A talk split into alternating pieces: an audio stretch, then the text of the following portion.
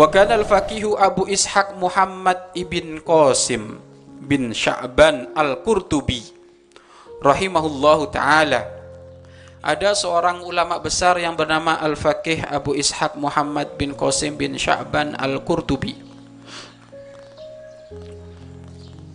Ngapain beliau? La yakhruju min manzilihi. Beliau tidak mau keluar dari rumahnya illa idza akhadha rijla walidatihi kecuali setelah beliau mengambil kaki kedua orang tuanya fawadha'aha kemudian beliau meletakkan kaki kedua orang tuanya ala khaddihi ditaruh ada di pipinya. Ditaruh ada di pipinya.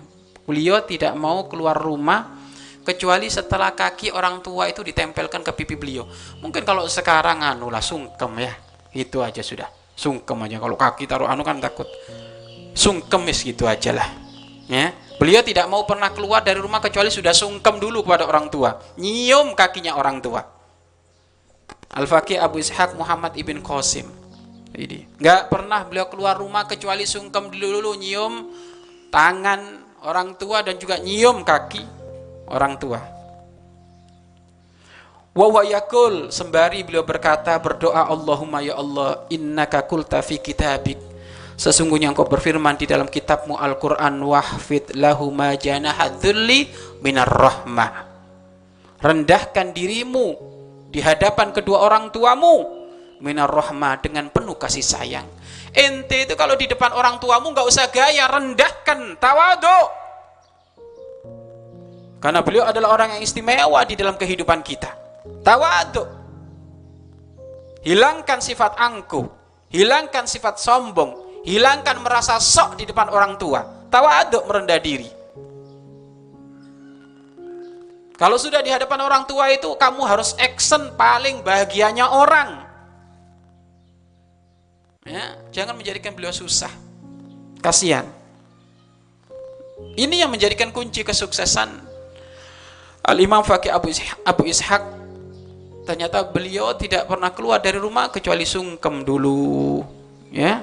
Wa ini dan sesungguhnya aku sekarang kot kot khafatu telah merendahkan diriku laha di hadapan kedua orang tua janahi yakni merendahkan ya direndahkan minta maaf sama orang tuanya kok malu? Bukan malu gengsi goblok itu minta maaf sama orang tuanya malu? Enggak minta maaf. Kamu ada orang tuamu. Cium. Cium kedua tangannya itu. Dipeluk. Ya minta maaf. Faufirli ya arhamur rahimin maka ampunilah dosaku wahidat yang maha pengasih. Ya. Dan memang banyak cerita dari orang-orang soleh itu begitu sabar ngurus orang tuanya ya. Begitu sabar mengurus orang tuanya. Ini termasuk juga suri tolodan kesabaran dari al-imam fakih Abu Ishaq. Pokoknya beliau tidak mau keluar kecuali sudah ketemu dengan orang tuanya dulu ya. Hal kayak gitu itu ya juga ada ada ada ada sir tersendiri nah pokoknya gini loh kalau engkau mengistimewakan orang tuamu, kamu tawaduk, benar-benar merendahkan diri di hadapan orang tuamu, memperhatikan lebih kepada orang tuamu, engkau akan mendapatkan rahasia keberkahan hidup. Rahasia keberkahan hi hidup. Berkahnya hidup itu harus kita ambil syarat-syaratnya. Di antaranya adalah berbakti kepada orang tu orang tua. Itu sudah kunci keberkahan hidup. Maka hati-hati yang sampai detik ini punya masalah dengan orang tuanya. Hati-hati. Ya. Hati-hati. Nggak bakal barokah hidupmu. Nggak bakal barokah. Bahkan kadang orang yang seperti itu kadang katanya sudah berilmu. Ajib. Sampai ada suatu ketika, Masya Allah, katanya Gus. Nggak tahu mungkin Gus ilmunya nggak manfaat mungkin. Ada sebagian. Ya mudah-mudahan itu adalah ibroh bagi kita ada seorang ibunda masuk rumah sakit. Seorang ibunda masuk rumah sakit.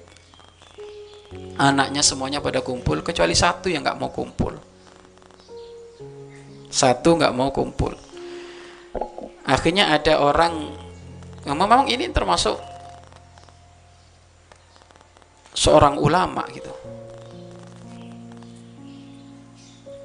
Ada yang nanya lo ke mana yang ini?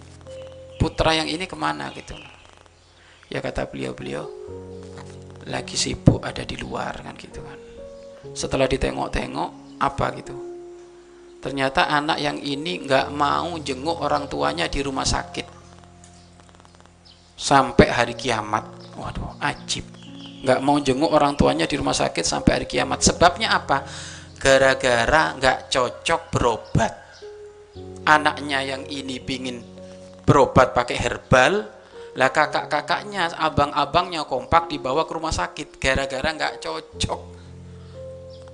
Saya nggak mau ketemu. Loh ini ya gimana coba itu? Perasaannya itu loh. Kan bukankah se sekecil apa pun kita harus ikhtiar? Ya? Nggak boleh kita itu ibarat apa mendiamkan orang yang lagi sakit apalagi sudah sakaratul maut kita harus ada ikhtiar